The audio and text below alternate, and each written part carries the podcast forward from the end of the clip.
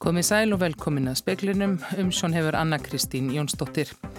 Það var degi B. Eggertsinni við borgarstjóra áfall þegar uppgöttæðist um síðustu helgi að skotið hafi verið úr bissu í gegnum hurð á fjölskyldubílinum að öllum líkindum fyrir utan heimilans lögregla rannsakar árásina. Óvissu stígi var líst yfir síðdeis vegna krapastíblu og flóðahættu við Jökulsá og fjöllum og hefur þjóðveginum er eitt aftur verið lokað við brúna. Ný afbreyði kórunaveirunar, það breska, söðurafríska og brasilíska vekja spurningar og áhyggjur. Smittsjúkdómalagnar telja enn sé mörgum spurningum um að þessi afbreyði ósvarað. Útflutningur engarnesla dróst saman í bandaríkjum í fyrra og hefur efnagsamdráttur þar ekki verið meiri í 75 ár. Og fórseti alþingis vonar að ný kostningarlög verði afgreitt á yfirstandandi þingi, annað væri sóun á tíma og kröftum í mikilvægu verkefni sem varði grunnstóðir líðræðisins. Dagur B. Eggertsson segir skotarósina sem gerðar á bíl hans og fjölskylduna mikið áfall. Hann var við vinnu í ráðhúsinu síðdegi sálegardag þegar konans kom og sótt hann á bílnum þeirra. Þegar ég er að stíkin í bílinn þá tek ég eftir gati á miðri farþegahörðinni sem að uh, svona vakti spurningar þannig að ég setti mér í sambandi við lauruglu og uh, við fengum svo þar upplýsingar á sunnudeginum að það hefði fundist kúlur inn í hurðinni. Grunaði þið strax að þetta væri e, eitthvað ómyrlegt, þetta væri einhvers konar árós? Já, þetta gat var ekkert eðlilegt. Uh, þetta er nýlegur og sterklegu bíl og þarna var gat í gegn. Þetta er samt eitthvað sem að maður ítir svolítið frá sér þá til maður fær staðfestingu á því vegna þess að, að í mínum huga þá er á einhvern nátt brotið í blað með, með svona atbyrðum. Er það alveg örugt að þetta hafi gerst fyrir framann heimilið þitt? Það er allt sem bendir til þess en uh, rannsók lauruglu hlýtur líka beinast að því. Já, hvernig var þér um? Ídla. Það eru þetta högguði aðeins í nærri manni þegar heimilið er annars vegar því að þar bý ekki bara ég heldur fjölskylda mín og krakkarnir og þannig að, að já, ílla. Getur þetta verið til marsum að við séum einhvern veginn að ganga inn í nýja tíma í íslenskri pólitík þar sem að, að þeir sem gegna ofnbjörnum stöðum geta átt vona á svona hlutum? Ég ætla sannlega að vona ekki en þetta ásamt ímsu öðru held ég að ætti að verða okkur tilmynd til að ræða hvernig við viljum hafa umræðuna samfélagið. Það taka allar eftir þeirri hörku sem er hlaupin í ímis samskipti og stóru orð sem eru nótuð og, og þar byrjum við öll sem samfélag ábyrð hvar við draugum mörkin og hættan er alltaf svo að línan færis bara alltaf aðeins lengra og aðeins lengra og, og uh, svona í, í mínu hjarta þá er komið hingað og ekki lengra. Saði Dagur B. Eggertsson við Höskuld Kára Skram, allt viðtalið má sjá og heyra á rúf.is. Þjóðvegi 1 yfir Jökulsá fjöllum var lokað nú klukkan 6. Óvissustígi var líst síðdeis vegna krapastíplu og flóðahættu. Vastaða í Jökulsá er nú álíka há og rétt fyrir krapaflóði mikla í fyrradag. Það flóðu lokaði þjóðveginu við brúna sunnan Grímstaða. Nú eru vísmendingar um að krap og ísi aftur farin að sapnast fyrir í Jökulsá og enn hætta á krapaflóðum. Næstu fjóra daga verður vegurinn millir Mývasveitar og Eilstað því aðeins opinn frá klukkan nýja morgnana til klukkan átján en lokaður utan þess tíma. Lögregla og vegagerð stýra umferðum vegakablan við Jökulsá og yfir brúna. Sóttvarnalæknar segja að mörgum spurningum sé ósvarað um ný afbríði kórunaveirunar. Brasilíst afbríði hefur vakið ugg og það er vaktað sérstaklega, segja Magnús Gottfreðsson, smittsjúkdómalæknir. Þórólfur Guðnason, sóttvarnalæknir, segir að bólefnin virðist virka gegn nýju afbríðunum. Vísindamenn hafa áhyggjur af nýjum afbreyðum veirunar, því breska, söður afríska og brasilíska. Mart bendi til þess að þau smitist hraðar. Þórólfur Guðnarsson, sóttvarnalæknir, segir að Mart sé enn á huldu varðandi þau. Mér finnst viðbröðum vera kannski soldið mikil gagvart þessum afbreyðum að þýleitinu til að við þurfum að fá fleiri svör við okkar spurningum um til dæmis mun bóluefni virka gegn þessari veiru Það eru upplýsingar núna frá Pfizer um að það, það er svo sömulegis AstraZeneca að bólefni virðist virka. Brasilíska aðbriðið hefur vakið nokkur nögg. Magnús Gottfreðsson, smitt sjúkdómalæknir, segir að það hafi náð mikilli útbreðslu á skömmum tíma á svæði þar sem menn töldu að mjög stór hluti íbúa væri komin með mótefni. Sástopp sé nú vaktaður sérstaklega. Menn sjáu að ekki margir á svæðinu hafi smittast tviðsvar. Síðastur í skoða þá var bara einn einstaklingur sem var með staðfest smitt tviðsarsunum á þessu svæði. Þannig að annarkvort voru áallanir helbriðsívalda þarna í, í Brasilíu varðandi hjarðónæmi bara einfallega rángar og mjög stór hluti íbúa svæðisins var ekki komin með neina vörn og ég tel að það sé nú líklegasta skýringin. Saði Magnús Gottfreðsson áður heyrðist í Þórólfi Guðnarsinni Bergljót Baldurstóttir tók saman.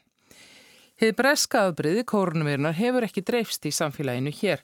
Samtals hafa 48 greinst með þá Íslandi, 40 landamærunum og 8 innanlands. Þeir átta sem greindust innanlands höfðu allir smittast af fólki sem greindist á landamærunum og höfðu nána tengingu við það. Afbreyði sem greindist fyrst undir loksíðast ás er talið meira smittandi en önnur og hefur víða breyðst hratt út. Sankvæmt upplýsingum frá Almannavarnandild Ríkislauglstjóra hefur tekist að koma í veg fyrir hraða útbreyðslu hér með skimun á landamærum. Þryggja og háls prósents efnagsamdráttur varði bandarækjunum í fyrra og hann hefur ekki verið meiri í 75 ár. Útflutningur dróst saman og sömulegðis enganisla. Þetta kemur fram í yfirlíti sem viðskiptaráðunettið í Washington sendi frá sér í dag. Ástæða dífunar er að vonum er aðkinn til koronaveiru faraldursins sem hefur valdið efnahagslífi í bandaríkjunum þungum búsifim. Þar kemur fram að fara þarf aftur til ásins 1946 til að finna sambærilegan samdrátt. Útflutningur dróst saman um 13% og enga neyslan um 3,9% svo að nokkuð sé nefnt. Ekki er útlitt fyrir að ástandið batni á næstunni þegar litið er á stöðuna á vinnumarkaði. Samkvæmt tölum atvinnumálaráðunittisins sóttu tæplega 1,3 miljónir bandaríkjamanna um atvinnuleysisbætur í fyrsta sinn í síðustu viku. Tótt þessi dífa Vestanhafs sé alvarleg er hún þó ekki jafnslæm og við annar staðar. Alþjóða gjaldir í sjóðurinn áætlar til dæmis að samdrátturinn í Breitlandi fyrra hafi numið 10% og yfir 5% í Kanada, Japan og Þískalandi. Af stóru hagkerfunum í heiminum var það einungis í Kína sem hagvöxtur varð 2,3%. Ásker Tómasson sagði frá. Fólki á leikumarkaði fækkaði á nýðliðinu ári en frambóð íbúða jógst og með minni eftir spurn og auknu frambóði lækkaði húsalega. Þetta kemur fram í nýri skýrslu HMS um stöðu og þróun húsnæðismála. Lægri leiga skýrist ekki síst af vakstarlækkunum í fyrra. Þær auðvelduðu fólki að færa sig af leikumarkaði og yfir í eigið húsnæði. Þá hafi fækkun íbúða sem legðar eru út á Airbnb mikil áhrif en það eru nú margar til leigu og almennum leikumarkaði. Húsnæðis og mannvíkjastofnun spáur því að húsalega haldi áfram að lækka á þessu ári. Rúm vika er liðin frá því að íbúar á rafnistu heimilum í Reykjanesbæ fengu setni bólusetningu við COVID-19. Í gær var opnað fyrir heimsóknir og nú mega íbúar fá tvær heimsóknir á dag í stað þess að fá bara tvær í hverju viku. Þurriður Yngibjörg Elistóttir, forstuðumöður rafnistu heimilin á Nesvöllum og Hlifangi, segir að það hefur verið dásamlegt að bjóða aðstandendur velkomna. Það var sko dásamleg stund eins og í gær að geta sendt út brefið að, að hérna, við værum að opna fyrir daglegar heimsóknir. Og gleðin á andlitum íbúana þetta er náttúrulega búið að vera gríðilegar áhyggjur í, í þetta þennan langa tíma og, og hérna þetta var svo mikið gleði að, að vita það bara við gætum ekki smita þau. Sagði Þurriður Yngibjörg Elísdóttir Talsvert hefur verið um falsaða 5.000 króna seðla í umferða því framkymur á Facebook síðu lauruglunar og höfuborgarsæðinu. Þá hefur annara seðla starrað orði vart sem og erlendra. Seðlarnir eru krumpaðir þannig þeir eru nokkuð sannfærandi útlýtt svo viðkomu en það má auðvöldlega þekkja því að á þá vantar nánast allra öryggist þætti. Þeirri hefur orði vart í verslunum, sjóppum, bensinstöðum og kaffehúsum en dæmi muni líka verið um að falsaði seðlir hafi verið afhendir við sölu og nótuðum vörum og borðið síma gegnum netið.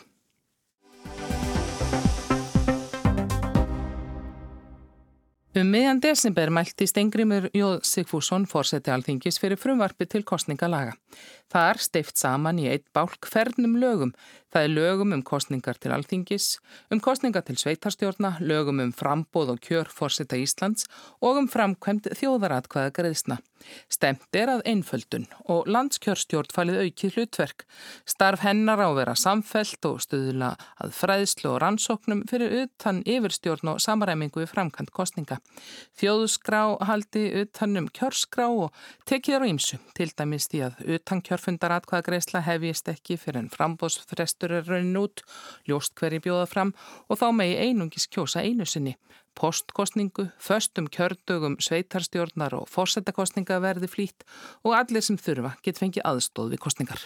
Þetta er mjög metnar full heildar endurskoðun á öllum kostninga ákvæðum í landinum á segja og saminar í eina nýja endurskoðaða frá grunni lögjöf öll ákvæði um kostningar til alþingis sem auðvitað hafa verið svona grundvallar lögin eh, en, en þarna er saminuð líka inn í þessa nýju, þetta nýja frumvarp ákvæðum kostningar til sveitastjórna eh, kjörfórsetta Íslands og, og, og þjóratkvæðgreislur.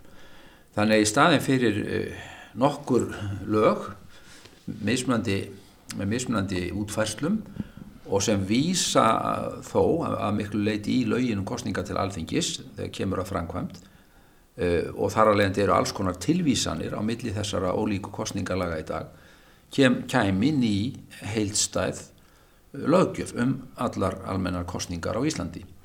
Og verulega breytt framkvæmd líka þannig að, að, að þetta er mjög metnaðarfullt.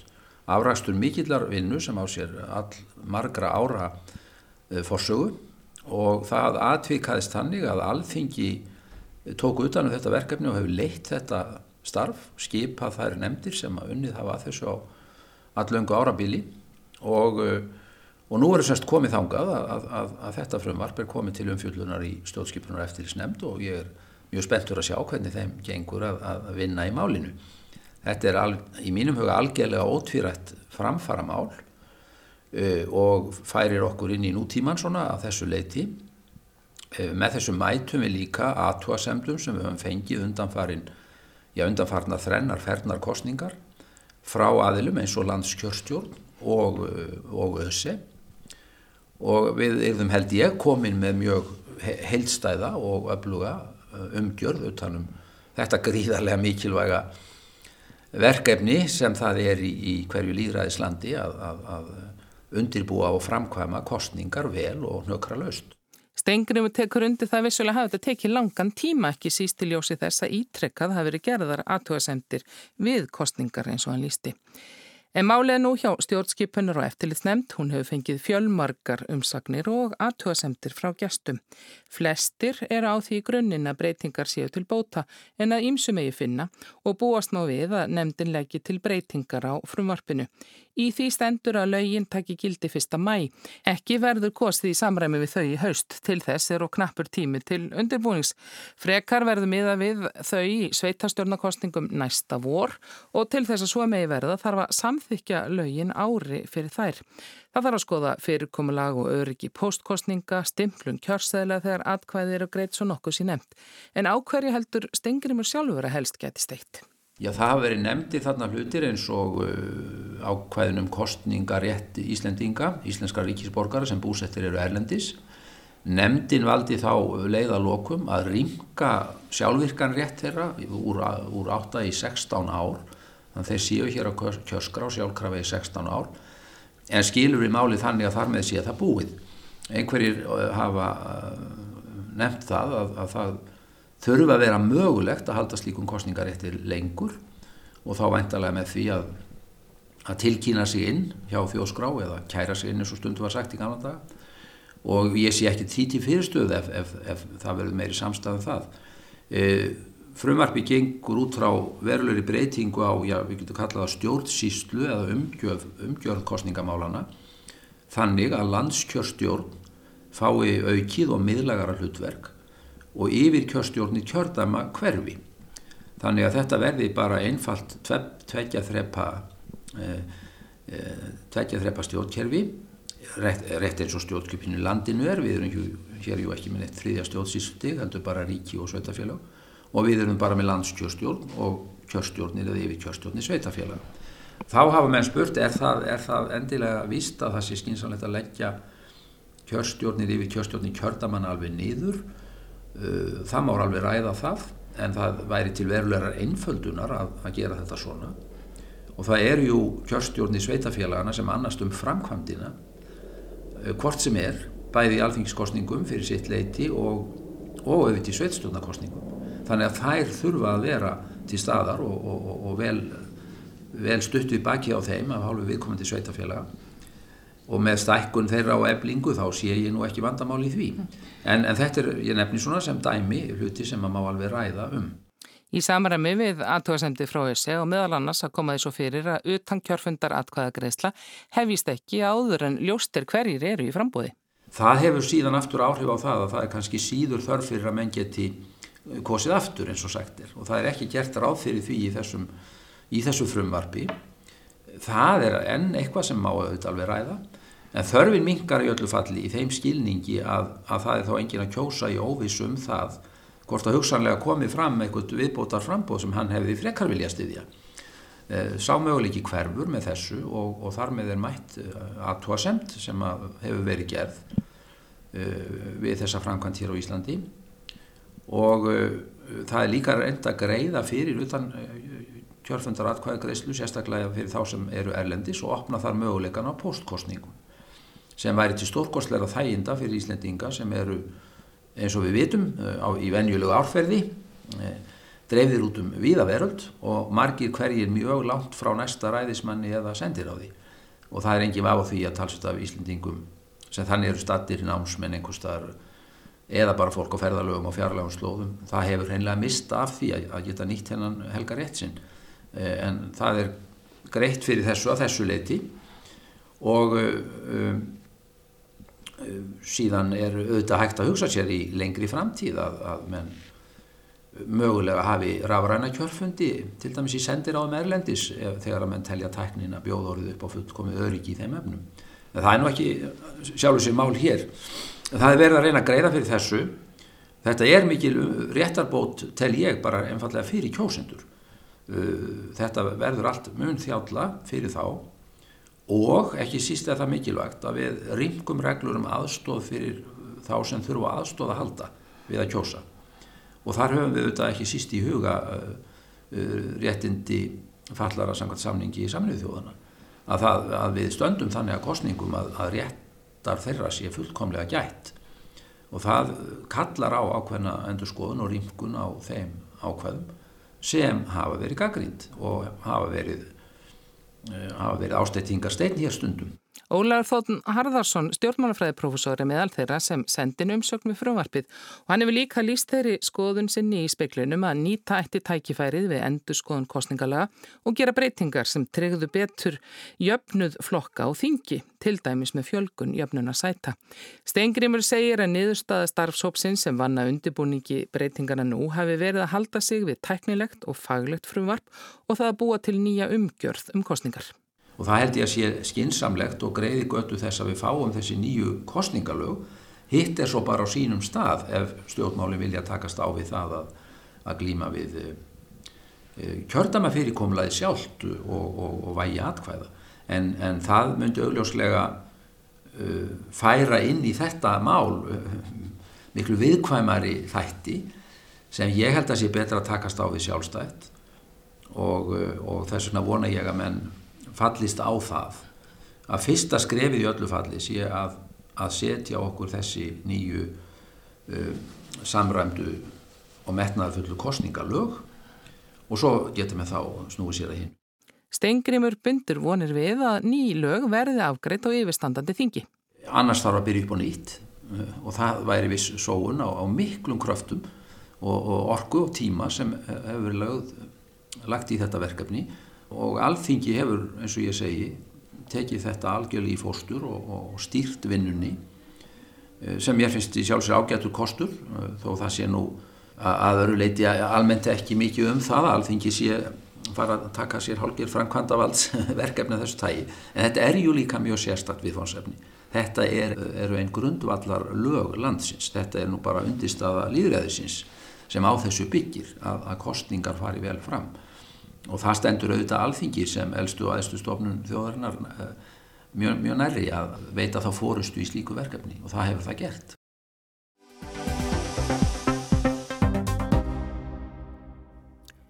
Yðnaðar ráð þeirra sagði á alþingi dag að það væri ekki umhverfinu til bóta að leggja stóriðju niður á Íslandi. Það væri afturför í láslagsmálum því það myndi auka hlutsteilt kóla orku og annara ósjálfbæra orkugjafa. Staða stóriðunar var yfirskriftin á umræði í dag á alþingi sem Bergþór Ólarsson miðflokki óskaði eftir. Hann bent á að heimsmarkasverði hefði leikið sömu stóriði fyrirtæki hér grátt og einni óveisum raforku samningan. Erfitt verið að hafa áhrif á heimsmarkasverðið en við gætum haft áhrif á raforkuverðið og fleira sem að stýrað fyrirtækjanum. Mér hefur þótt á tótt sem mætir þeim, þessum burðarfyrirtækjum á hverju svo æði vera æði neikvæður um langa hríð. Hópar, sem margir hverjir hafa lítinn skilning á verðmætasköpun, hafa gengið fram með þeim hætti að augljóst er að þeir vilja fyrirtækin, hinn minnsta sum þeirra, í burt. Þar tel ég að stjórnvöld verði að gæta þess vel að bæta ekki í. Auðvitað er hinnum ýmsu félagasamtökum og einstaklingum frjálst að hafa allt á hornum sér gagnvart þessum mikilvægustu orkukaupendum landsins en þegar skilaboð stjórnvalda virðast á löngum köflum vera þau að stuðningur við slíka starfsemi sé horfinn þá versnar í því. Hann saðist vera þeirra skoðunar að mesta framlag Íslands á heimsvísu til umhverfismála hefði verið að framleiða umhverfisvænasta áli heimi. Hann vitnaði orðu fórstjóra landsvirkjunar sem sagði að álverinn hér væri með hvað minsta kólefnisspor í heimi. Ef að álframleyslan myndi færast til dæmis til Kína myndi losun í heiminum aukast um 10 miljónir tonna á ári af koltvísýringi. Það væri meirinni tvöföld heildarlosun á Íslandi. Bergþóru spurði Þórtísi Kolbrunni Gilvardóttur einar á þeirra meðal annars um hvort hún teldi það til bóta í umhverfislegu tilliti að stóriðja legðist af hér á landi. Ráð þeirra benda á að sangkvæmt greiningu sem hún létt gera skerðir raforkukostnaðurinn almennt ekki samgefnishæfni stóriði á Íslandi. Varðandi það hvort ég telji það vera til bóta í umhverfislegu tilliti að leggja stóriðistar sem er niður hér í landi þá er stutta, svari stutt og laggótt, það er nei, alls ekki. Ég tel að það væri alls ekki til bóta í umhverfislegu tilliti og tek undir þau orð sem hátturstu þingmaður vísa hér til og orðum fórstjóra landsvirkjuna frá því um áramótin. Að leggja niður grænorkudrifna stóriðju á Íslandi myndi að öðru óbreyttu auka hlutdeild kolaorku og annarra ósjálfbæra orkugjafa í framleiðslu á viðkomandi vörum. Þannig að það væri ekki framför, það væri afturför í loftslagsmálum. Hún svaraði því líka hvort ákvæði um hálendis þjóðgarð og rammaáallunu gætu haft hamlandi áhrif á raforkuframleiðsluna. En við þurfum að gæta okkur því að binda ekki hendur okkar um of til framtíðar því að auki frambúða raforku gegnir líki hlutverki í nýri atvinnusköpun og landsvísu og eins við að lækka raforkuverð og auka samkeppni á orkumarkaði. Við munum líka þurfa miklu orku ef við ætlum að gera alvöru úr því markmiði að vera fyrsta landi í heiminum sem útrýmir jarðefnaeldsneyti og skiptir bensín og olíu alfarið út fyrir græna orku. Ég vil að við höfum það markmið og þetta samhengi þarf því augljóslega að hafa í huga og skoða vel í þeirri umræðu sem framöndan er á Alþingi í vetur um rammaáætlun hálendisþjóðgarð og tengd mál. Nokkrið þingmenni tóku til máls, Smári Makarthi Pírutum sagði að stóriði að hefði lengi verið galdralausni stjórnmálamanna til að skapa störf. Þegar nánar væri aðgáð væri stóriði alltaf á kostnað samfélagsins og náttúrunar. Samkeppnishæfni Íslands má ekki vera mæld út frá því hversu mikið við erum til í að beigja okkur og bukta fyrir alþjóðlegum stórfyrirtækjum og auðmunum heldur út frá gæði hækkerfisins og gæði samfélagsins. Það er bara hreinlega þannig að stóriðja er óumhverfisvæn jafnvel þegar að best lætur.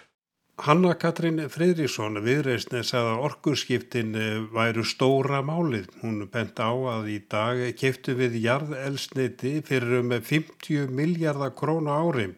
Á fundi landsvirkjunar í gær hefðu komið fram aðtillisverðar hugmyndir um framleiðslu grænsvetnis sem nú var orðið samgefnishæf. Framleiðsla á grænu vetni þarf hagkvæma endurnýjanlega raforku í umtalsverðu magni og við eigum þá orku til. Það er augljóst að orkuskipti af völdum vetnisvæðingar geta skapað mikinn gjaldeyri og farið langleiðina með að gera landið okkar kolefnishlutlaust.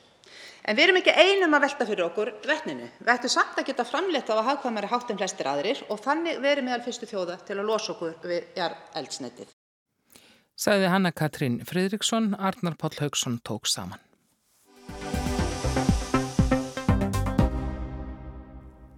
Norðmenn hafa lokað landamærum sínum að mestu. Ég vonum að koma í veg fyrir að nýtt COVID-19 smitt berist til landsins með farandverkafólki. Eftir lit við landamærin og á flugvöllum þykir hafa brugðist í janúar. Á sama tíma eru miklar takmarkanir á ferða og samkomi frelsi fólks í 25 sveitarfjölugum í og við höfuborgin á Oslo. Gísli Kristjánsson. Stjórnaranstaðan, bæði til hægur og vinstri, hefur frá því fyrir jól krafist þess að eftirlit við landamærin verði hert. Ríkistjórnin hefur að hluta farið að þeim ráðum en samt ekki með fullnægandi hætti að mati gaggrínanda. Alltaf þriðjungur þeirra sem sækja vinnu í Nóriði frá Pólandi og Lítáen hefur farið í gegnum eftirlit við landamærin án þess að fylgja tilmælum um skimun og án þess að fara í sóttkvím. Þetta var leitt til þess að ekki er vitað um upphaf alltaf 6.000 tilvika af smiti í landinu frá því um áramót. Því var ákveðið að loka landamærunum að mestu. Erna Solberg Fossardisráþura orðar þetta svo. I praksis blir grensen stengt for alle som ikke er bosatt i Norge. Og så gjøres det noen unntak. Í reynd verða landamærin lokuð öðrum en þeim sem eiga heimil í Noregi en þó með fáeinum undantekningum sem varða ferðir sem nöðsinn krefur. Það er erna og þessar reglur eiga að gilda næstu tvær vikurnar. Þá er það að það er endurskoðar en samt má rekna með miklum takmörkunum en lengur. Almenn ferðalög og heimsóknir verða býða. Þetta snertir komu farandverka fólks sem samkvæmt hefð kemur til að fara á vetrarverti í Norðunóriði. Einnig leita skipasmíðjur hér til lands mjög eftir yðnaðamönnum frá Pólandi. Þeir fá ekki að koma og svo kemur reglulega fjöldi byggingaverkamanna í tímabundna vinnu. Það var einmitt hópur 26 yðnaðarmanna frá Pólandi sem ráðnir voru til að gera upp skrifstofubyggingu í Óslo sem leiti til skyndi aðgerða ríkistjórnarinnar. Allir höfðu sloppið í gegnum eftirlit, aðtuga semta löst og allir í hópnum voru smitaðir. Að hluta má einnig reykja strangar aðgerði nú til treguðu við að greina síni. Til þessa hafa nær öll síni aðeins verið greint lauslega til að finna út hvort það er COVID-19 veira á ferðinni eða ekki. Þetta verður ekki nátt til greining á hvort veiran er að breska afbríðinu eða einhverju öðrum. Fyrir vikið hefur ekki verið hægt að reykja ferðir breska afbreyðisins á Óslóasvæðinu og næstan ágrinni. Þegar hertar aðgerði voru kynntar sæði líni vold hjá líðhelsustofnuninu norsku að aðeins Íslendingar hafðu náða að greina öll síni fullkomlega. Verken vi eller noen andre land utenom kanskje Island som forsøker å få til det nå, de har gjort det. Så det betyr at vi kan ikke garantere det. Hvorki við njú önnur þjóð hefur gert það nema að Íslendingar hafa náða að greina allt sæði líni vold. Núna á að nýta tvær næstu vikur til að auka eftirlitið svo hægt verði að greina öll síni strax. Þarna hefur verið flöskuháls. Síni sem voru tekinn fyrir áramót, til dæmis á hjúgrunaheimili í nýrdri forlóhreppi, reyndust vera með breska afbryðinu. Því var í skyndi gripi til viðtækra lokana þar og takmarkana á samkomum fólks. Þó er marg sem bendir til að hér sjú á seintferðarstað því sínin voru fjögur að vittna gömul. Því hefur verið gripið til þess rás að láta hertar aðgeðir ná til 25 sveitarfélaga og eru varða um 1,5 miljón norðmanna. Þá er láni óláni að hennar almennu aðgerði til að hindra smitt, svo sem að hafa grímu, forðast mannfjölda, sleppa auðanlandsferðum og þó hendur sína reglulega hafi takmarkað útbreyslu allra afbyrða af veirunni jæmt. Því er tiltölulega lítið smitt í Noregi en ótti við að meira berist til landsins frá löndum þar sem eftirlit er lítið eða ekkert. Og veðurhorfur eru þær að það verður fremur hæg, austlæg átt á morgun, þurft og kallt veður en jél norðan til á landinu um kvöldið. Og það verður ekki fleira í speiklunum í kvöld, tæknum aður í útsendingu var Mark Eldredd veriði sæl.